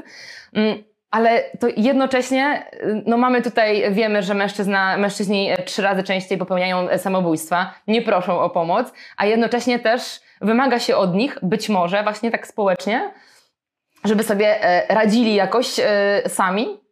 No każdy swoją kulkę w życiu kula. Mężczyźni akurat nie są w jakimś super złym położeniu i dlatego mnie też się, z jednej strony ciężko mi się wypowiadać, bo, bo sam jestem mężczyzną i mnie po prostu było łatwiej no, w tych czasach, w których ja dorastałem. I to jakby bez dwóch zdań. I e, tak samo często, bo, bo mówiliśmy o tym, takim, o tej plemienności, czasami to jest to podobnie jest w przypadku osób transseksualnych, że na przykład ktoś był mężczyzną, a potem w jakimś momencie znaczy był, był tak postrzegany, bo on się mógł czuć kobietą od początku. E, oficjalnie zmienia płeć na kobietę i mówią, że on jest nieprawdziwy, bo on nie przeżył tego, co dziewczyny przeżywają, jak są małe. I to był Kant. On na, na kodach to przeszedł, nie? Tam naoszukiwał, chyłkiem, chyłkiem, ok zakrystii, jestem dorosła, tararara i tak dalej. A nie uczył się, że najlepiej jakby go nie było i żeby godzinami na pełnym pęcherzu siedział i cały czas się uśmiechał, ładnie wyglądał, pachniał i się odzywał, ale, ale najlepiej nie. Tylko normalnie sobie biegał i robił co chciał. Jak chciał grać na klawesynie, to grał, jak grał w piłkę, to grał w piłkę. E, więc mm, tak, i dlatego z, z tego powodu to, to, to mnie się ciężko wypowiadać, bo ja mogę tylko tak e, introspektywnie trochę, ale starając się nie, to ludzie są różni. Znowu będzie tolkienizm, że mężczyźni coś, a kobiety coś. Ludzie w ogóle lubią, jak ktoś jest zdecydowany. Więc czasami jest tak, że mężczyzna mówi, teraz jedziemy tu. I kobieta mówi, dobra, i się cieszy, bo po pierwsze nie będzie musiała myśleć za bardzo, bo ktoś pociągnie te, bo jak nie będzie samolotu, to ja powstanę i powiem, no kochanie, nie ma samolotu. I on znajdzie. I to samo zrobi ci mężczyzna. Jak ty powiesz, dobra, teraz tak postępujemy, okej, ustalasz, to proszę. Więc to nawet nie chodzi o to, że ktoś jest mężczyzną, a ktoś kobietą, tylko niektórzy mają, są zmęczeni, chcą po prostu oddać władzę. Mhm. Proszę bardzo, niech tak się dzieje. Natomiast naszymi osobami, na, naszą funkcją i w takich sytuacjach, jako osobom, które przejmują władzę, jest to, żeby pamiętać, że te osoby tam są, że ich opinia jest istotna. Czyli jak, jeżeli ja na przykład przejmuję moment, jakiś moment, bo jestem szefem projektu i jest tam na przykład ileś tam jakichś osób, a ileś jakichś osób, już nie definiując płci, to i tak wszystkich mam pytać o zdanie. I jak ja jestem silną kobietą, to też mam wszystkich pytać o zdanie. Nawet jak ten mężczyzna chce się wycofać, to mówię, nie, nie, bo to nie jest taka pantoflarska strategia, że ja teraz będę ci mówiła, co masz robić. Tylko my w tym wszyscy uczestniczymy. To ja, a nie taka, że wynieś śmieci od wynosi. A mówi, a umyj i on pozmywał. Powiem, mogę wyjść z kolegami, nie możesz i on siedzi. No to co to jest za życie, nie? Więc my się Mhm. szukamy sposobu, żeby to było inkluzywne dla wszystkich. I czy nie, że my się, bo- im bardziej my się podzielimy, no to tym trudniej nam będzie się żyć dobrze i tym łatwiej będzie nami manipulować. Jak my się podzielimy jeszcze w tych małych kawałkach, to my jeszcze się na mniejsze kawałki podzielimy tego wszystkiego. W związku z tym na pewno kulturowo my nie wiemy, nie mamy jeszcze takich wzorców wyraźnych, ale na przykład wiemy, że wielkim deficytem w zarządzaniu, o którym już dzisiaj mówiliśmy w ogóle, jest troska. I mężczyźni też potrzebują to. Nie takiej, że o, 37,4 może nie umrzesz. To nie, nie, nie chodzi o taką troskę, tylko w ogóle ja widzę, że coś nie tak. Wydaje mi się, że coś nie tak. Jak się masz ostatnio? Coś. Mężczyźni nie zadają z takich pytań, a one są mężczyznom też potrzebne. W związku z tym, a ponieważ kobiecie jest łatwiej, to się nagle okaże, że się mężczyźni być może, trzymajmy kciuki, zarażą wreszcie takim myśleniem, że też nic tak ludzi nie motywuje, jak to, że ktoś o nich dba i na nich zależy. I dlatego być może tutaj w tych dzisiejszych czasach, które mamy, że nie chodzi tylko o to, żeby swoje emocje hamować i za dużo nie myśleć, tylko tam szarżować na pole minowe. W czasach, w których jesteśmy inaczej, trzeba będzie trochę inaczej reagować. Ale nie znam e, takich badań, nie potrafię sobie ich przypomnieć, których by wychodziło na to, że, że, że to jest akurat na tym polu różnica, że mężczyźni nie wiedzą, jak zareagować. Po prostu ludzie tacy niektórzy są, że im jest bardzo wygodnie oddać całą władzę i wtedy już nie muszę. I wtedy mówimy, o, tak ona weszła, to on się tak wycofał, nie? No, Jakby on wszedł, to on by się też wycofał. To, Mhm. to, to, to nie ma znaczenia, że, że to jest kobieta. Pewnie, że e, jeżeli ktoś tylko korzysta z takich informacji, które są przejaskrawione, to się boi, boi w ogóle cokolwiek powiedzieć, nie? Bo jakbym nie była kobietą, to byś coś tam. Jakbym była, to coś tam. A jakby w mężczyźnie byś tak nie powiedział. I to jest część, część prawdy. Nie ma się co oszukiwać. Nie wyszliśmy jeszcze z takiej kategoryzacji społecznej. To za mało pokoleń jeszcze było od tego, żeby tak na to patrzeć. Nie ma takich wyraźnych wzorców społecznych, jak się wobec tego zachowywać. Ale na pewno jest już lepiej niż było, więc po części to, o czym pani powiedziała, na pewno jest zasadne. Ale wydaje się, że ludzie po prostu czasami czekają, jak ktoś im powie, co ma zrobić, bo to nagle się robi jego odpowiedzialność, nie? No to po co? Mhm, mhm. Też się. To jesteśmy w stanie okre- ocenić to, dlaczego tak du- duża jest różnica między osobami, które popełniają samobójstwa i dlaczego trzy razy częściej są to mężczyźni niż kobiety? Nie znam badań na ten temat. Trzeba by pytać suicydologów. E, Na, na pewno wiemy, że tych samobójstw dziennie w Polsce aktualnie, jak rozmawiamy, jest z 15. Mhm, tak. E, 12 to mężczyźni na te 15 osób, więc jest grubo. A dlaczego tak się dzieje? Mężczyźni mają swoje bagaże. No to nie pytanie o drogę to jedno. Dysmorfia mięśniowa, czyli tak jak w przypadku kobiet, e, że ni- nie jestem wystarczająco chuda, to u mężczyzn, że nie jestem wystarczająco umięśniony. Mężczyźni czy chłopcy się już nie rozbierają na przykład w przebieralniach, bo się boją, że jak tam nie ma 24 cm w permanentnym wzwodzie, to w ogóle nie ma o czym mówić. To jest zabawne, powiem Państwu, nie wszyscy mają wstęp do męskiej przebieralni, ale na basenie na przykład starsi mężczyźni bez problemu chodzą nago, a Mhm. młodsi nie. E, a nie, żeby zachęcać do negliżu, ale jednak człowiek może się wreszcie, że wszyscy są normalnie zbudowani, nie? że tam Mhm. nie ma, to nie, nie każdy jest trójnogiem, I, tylko że to jakby pewnie wielu pozytywnie to zawsze zaskakuje, że liczy się technika, nie? E, więc i, i, i, to, I to w takich sytuacjach, i to z tego też się trzeba trochę, bo, bo to jest taki narzut kulturowo-społeczny, który też jedzie w ścianę, tak? On do niczego nie prowadzi. No, bo niczym nie świadczy, że ktoś jest umieśniony, a drugi nie jest, bo człowiek wiele swojego ciała nie przemienia, a, a chyba, że kosztem zdrowia to można trochę walczyć jeszcze. Mhm. Mm, I no, Mhm.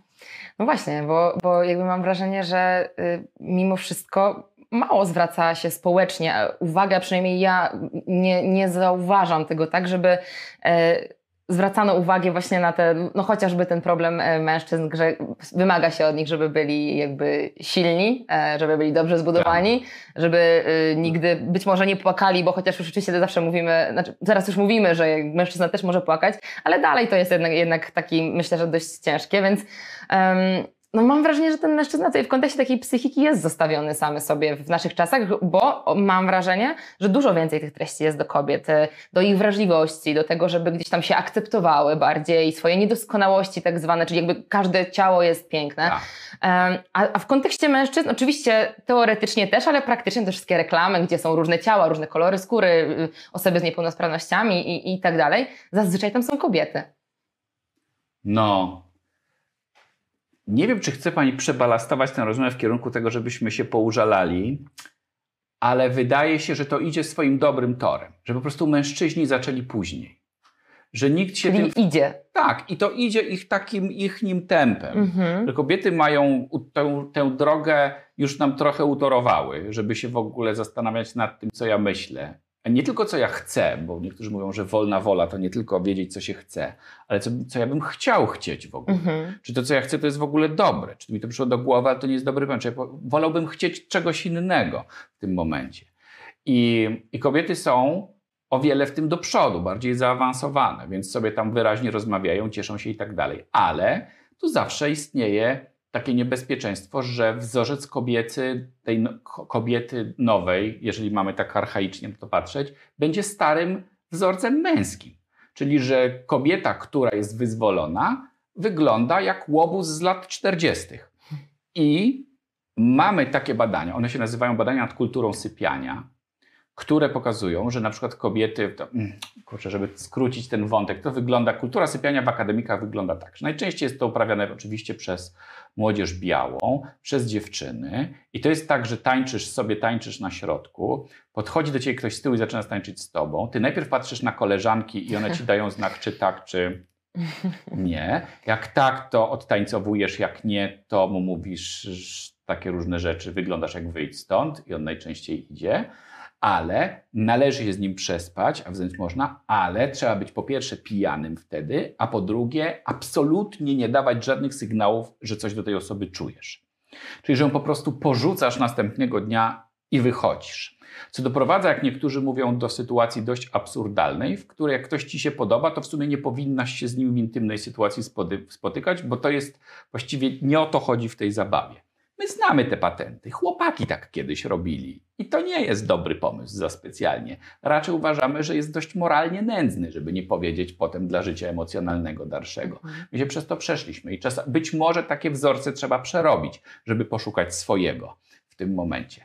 I, I to samo będą, e, czy jeżeli na przykład mężczyzna zajmuje się takimi zajęciami, które kiedyś bardziej wyglądało, że żona czy partnerka powinna robić i zmywa i sobie zawiązuje chustkę na czubku, to czy on musi zachować tak samo? No nie musi, ale skąd my mamy to niby wiedzieć? Nikt nam tego wcześniej nie powiedział. My jesteśmy pierwszym pokoleniem w historii świata, które próbuje sobie to jakoś uporządkować.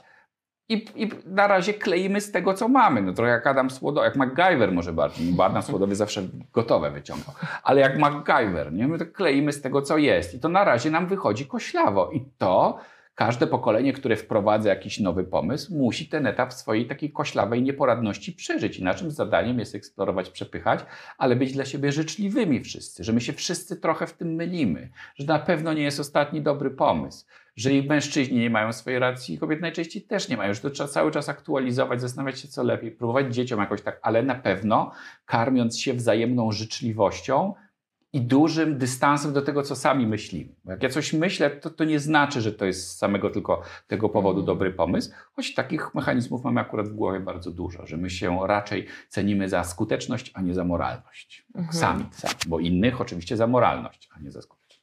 Mhm. To jak e, takie mm, e, ruchy społeczne, albo generalnie każdy z nas, co może, może zrobić, e, jak to może wszystko wyglądać, żeby nie było takiej wojny płci, typu teraz to mamy ten patriarchat, potem no, głównie to siła jest, przyszłość jest kobietą i jakby cały czas mam wrażenie takie przepychanki, a, a jak zrobić, żeby była ta równość, ta równość każdego człowieka, niezależnie od płci, koloru skóry e, i Nie, tak dalej. Nie wiemy tego. I e, myślę, że trzeba się pogodzić z tą myślą, że nikt tego nie wie. Jest wiele takich rzeczy, których nikt nie wie. Nikt nie wie, jak rozwiązać problem służby zdrowia. Nikt nie wie, jak rozwiązać problem tego, że w Polsce brakuje półtora miliona pracowników, a za 8 lat będzie brakowało 4. Nikt nie wie, jak sobie poradzić z emigracją. Żaden kraj na świecie nie wie, jak to zrobić. E, to nie tylko, że my nie wiemy. Nikt tego nie wie. I dlatego my cały czas szukamy sposobu, rozmawiamy, mylimy się, a czasami się nie mylimy. Wiemy, że warto lobbować, wiemy, że nie trzeba lobbować wszystkich, że wystarczy nie 51% znajomości, ale właściwie 25% znajomości bliskich, żeby gdzieś zmiana w małej grupie się zadziała. Więc ja mogę coś tu, że e, zmiana będzie bazowała na tym, czy ja potrafię usłyszeć, co ta druga strona do mnie mówi. To dlatego, że my e, funkcjonując w takiej kulturze polaryzacji, jesteśmy w momencie, w którym zarzut jednej strony jest przymiotem drugiej jak my komuś powiemy, że on chce kogoś zabić, to on powie, że właśnie dobrze i jest z tego dumny. Nie? No tak by nie dogadamy się z tego powodu. Musimy, a, więc y, jedna strona mówi na drugą, bez względu na to, gdzie tą kreskę postawimy, że w ogóle nie warto jej słuchać. To jest super pomysł, do niczego nie prowadzi. Nigdy w historii świata tak nie było. Zawsze zaczynamy od tego, że my łapiemy, o co tamtej stronie chodzi i musimy się jakoś dogadać. To jest trochę, pan Brown mówi, że jak pyta ludzi, kto z Państwa porzuci część swojej rodziny, dlatego że głosowała na kogoś innego. I najczęściej niewiele osób się zgadza, czyli się da. Każdy człowiek jest o wiele ważniejszy niż jego preferencje polityczne. I to jest do zrobienia. Jak ktokolwiek nam wmawia, że my jesteśmy zupełnie kimś innym, ten niestety najczęściej chce wpłynąć na to, żeby łatwiej było nami manipulować, bo to, to się do tego praktycznie sprowadza, oraz on, żeby utrzymał się przy korytku bez względu na to, kiedy ono jest, tak? Mhm. I że tak działa. Wiemy też, że dobrze się sprawdzają ruchy polityczne, które są pionowe. Czyli bez względu na to, ile osób wyjdzie, jeżeli reprezentują tylko jedną warstwę społeczną, to prawdopodobnie niewiele zmieni. Czyli jeżeli pojawia się ktoś, kto chce nas wesprzeć, a jest wyżej u, u, usadzony niż my, to należy z tego skorzystać też. Tak? E, wiemy, że ruchy nieagresywne lepiej się sprawdzają, bo wiemy, że strona przeciwna tylko czeka na co? Aż coś nabroimy. Jak coś nabroimy, to już się tak tego, to jest tak w kłótni, nie? Tam mówi pani do córki czy do syna, co tu nie posprzątałeś w pokoju, śmieciarzu. Śmieciarzu? Nigdy nie będziesz tak do mnie mówiła, matko. Ale dobra, ja nie o śmieciarzu, że nie sprzątasz pokoju. Nigdy matka nie powinna śmieciarzu mówić, nie? I my się już próbujemy, już za późno, no tak. bo my często mówimy, czy, mm, co jakby definiuje kulturę miejsca. Kulturę miejsca nie definiuje większość, która zachowuje się poprawnie, tylko kulturę miejsca definiuje najgorsze tolerowane zachowanie. I dlatego my patrzymy, jak jest, jak, jak bo Hitler też i głaskał pieski, był przeciwko polowaniom. Gering to był w ogóle tak przeciwko krzywdzeniu zwierząt, że jak je, widział, że jeden rybak wrzucił na żywca homara do garnka, to go wysłał do obozu koncentracyjnego. I jakoś nie wypominamy, że oni taki byli, że lubili pieski, bo jednak wiemy, że co jedną ręką pogłaskał, to milionem innych rąk przypierdzielił. Mhm. I tak samo jest tu. Dlatego być może łatwiej jest zrozumieć osoby, i o czym wiedział Gandhi już wcześniej, które są cierpliwe, żmudne i nieagresywne i widzą, że cel jest większy od nich. Czyli nawet ja mam coś napocząć i zrobić pół kroku, ale pół kroku będzie lepsze niż dwa w tył, bo jak tylko coś się agresywnie zachowam, to na pewno będzie to woda na młyn wszystkich, którzy będą chcieli nastawić przeciwko mnie. Tak, e, no i, i, i, dlatego my jesteśmy w takim momencie. Warto też ta nasza rozmowa taka długa, ale ona nas też usadza historycznie. Zobaczcie, jaki jest nasz moment historyczny. Ile już zostało zrobione? My stoimy na ramionach tych wszystkich osób, kobiet i mężczyzn i wszystkich innych, którzy oddali nierzadko życie za to, żebyśmy mogli siedzieć. Jak, jak czarnoskóre osoby, które wsiadały do autobusów, mówiły, że nikim nie będzie mówił. Jak kobiety, które dostawały Noble, chociaż były jedyne i, powiedział, i, i chodziły tak długo, aż się, to, to wszystko musiało być przepchnięte kosztem wielkiego wysiłku. I my jesteśmy teraz zobowiązani, żeby trochę tego oddać, żeby może za jakiś czas, ktoś znowu nie musimy być jakoś specjalnie pomniki nam stawiane, ale to jest taki obowiązek, taki nasz gatunkowy bez względu na, na mhm. wszystko, żeby tak i widzieć, że wszyscy jesteśmy, ludzie chcą najczęściej dobrze, niestety. I w imię tego dobra wiele złego zrobione, jakiegoś takiego porządku, jakiegoś takiego, ale jeżeli i, i nastawiamy się wobec siebie agresywnie, no to tam nie będzie lepszej jakości z tego wszystkiego. Bez względu na czy my to mamy politycznie, czy płciowo, czy między działami w firmie, czy rodziną, czy tam jakimś innym. Mhm. Czyli patrząc e, tak na ten cały rys historyczny, który dzisiaj e, padł, to jesteśmy w całkiem dobrym miejscu. W porównaniu od tego, skąd wyszliśmy, to jesteśmy w dobrym miejscu. Ale to jeszcze nie jest takie miejsce, bo e, nawet jakbyśmy się mieli odciąć od ludzkiego cierpienia, takiego percepowanego płciowo, to my możemy być jeszcze mądrzejsi, jeżeli dopuścimy ludzi ze względu na to, co mają do powiedzenia i do zrobienia, tych, którzy mają coś do powiedzenia, a nie będziemy ułatwiali tym, którym ułatwialiśmy zawsze z tego powodu, że im ułatwialiśmy mhm. zawsze. Tak? Więc może się okazać, że tam jest jeszcze dużo szczepionek do odkrycia bardzo szybko, wiele szczepionek, właściwie tak powinienem powiedzieć, i wiele dobrych pomysłów na rodzaje transportu i na systemy edukacji i na systemy polityczne. Kiedy zaczniemy wybierać osoby, które po prostu są dobre w tym, co robią. O, tak. mhm. I po to my to robimy. Piękna puenta. Bardzo dziękuję za tę rozmowę. Też bardzo dziękuję, uszanowanie i dziękuję Państwu też. Dziękuję, że znalazłeś czas na wysłuchanie tego podcastu. Myślę, że z pewnością znasz kogoś, komu informacje tu zawarte mogą się przydać. Możesz podesłać mu link do tego nagrania. A jeśli zechcesz udostępnić ten podcast na swoich mediach społecznościowych, tym bardziej będzie mi miło, a projekt Forma na Życie będzie rozwijał się szybciej. Z góry dzięki. Jeśli chcesz obejrzeć ten podcast wraz z nagraniem wideo, wpadnij na mój kanał na YouTube. Znajdziesz mnie tam pod nazwą Daria Łukowska Forma na Życie. Zapraszam Cię też na moje media społecznościowe, czyli na Instagram i Facebooka, gdzie dzielę się moimi przemyśleniami z życia codziennego. Ja nazywam się Daria Łukowska, a to był podcast Forma na Życie. Do usłyszenia!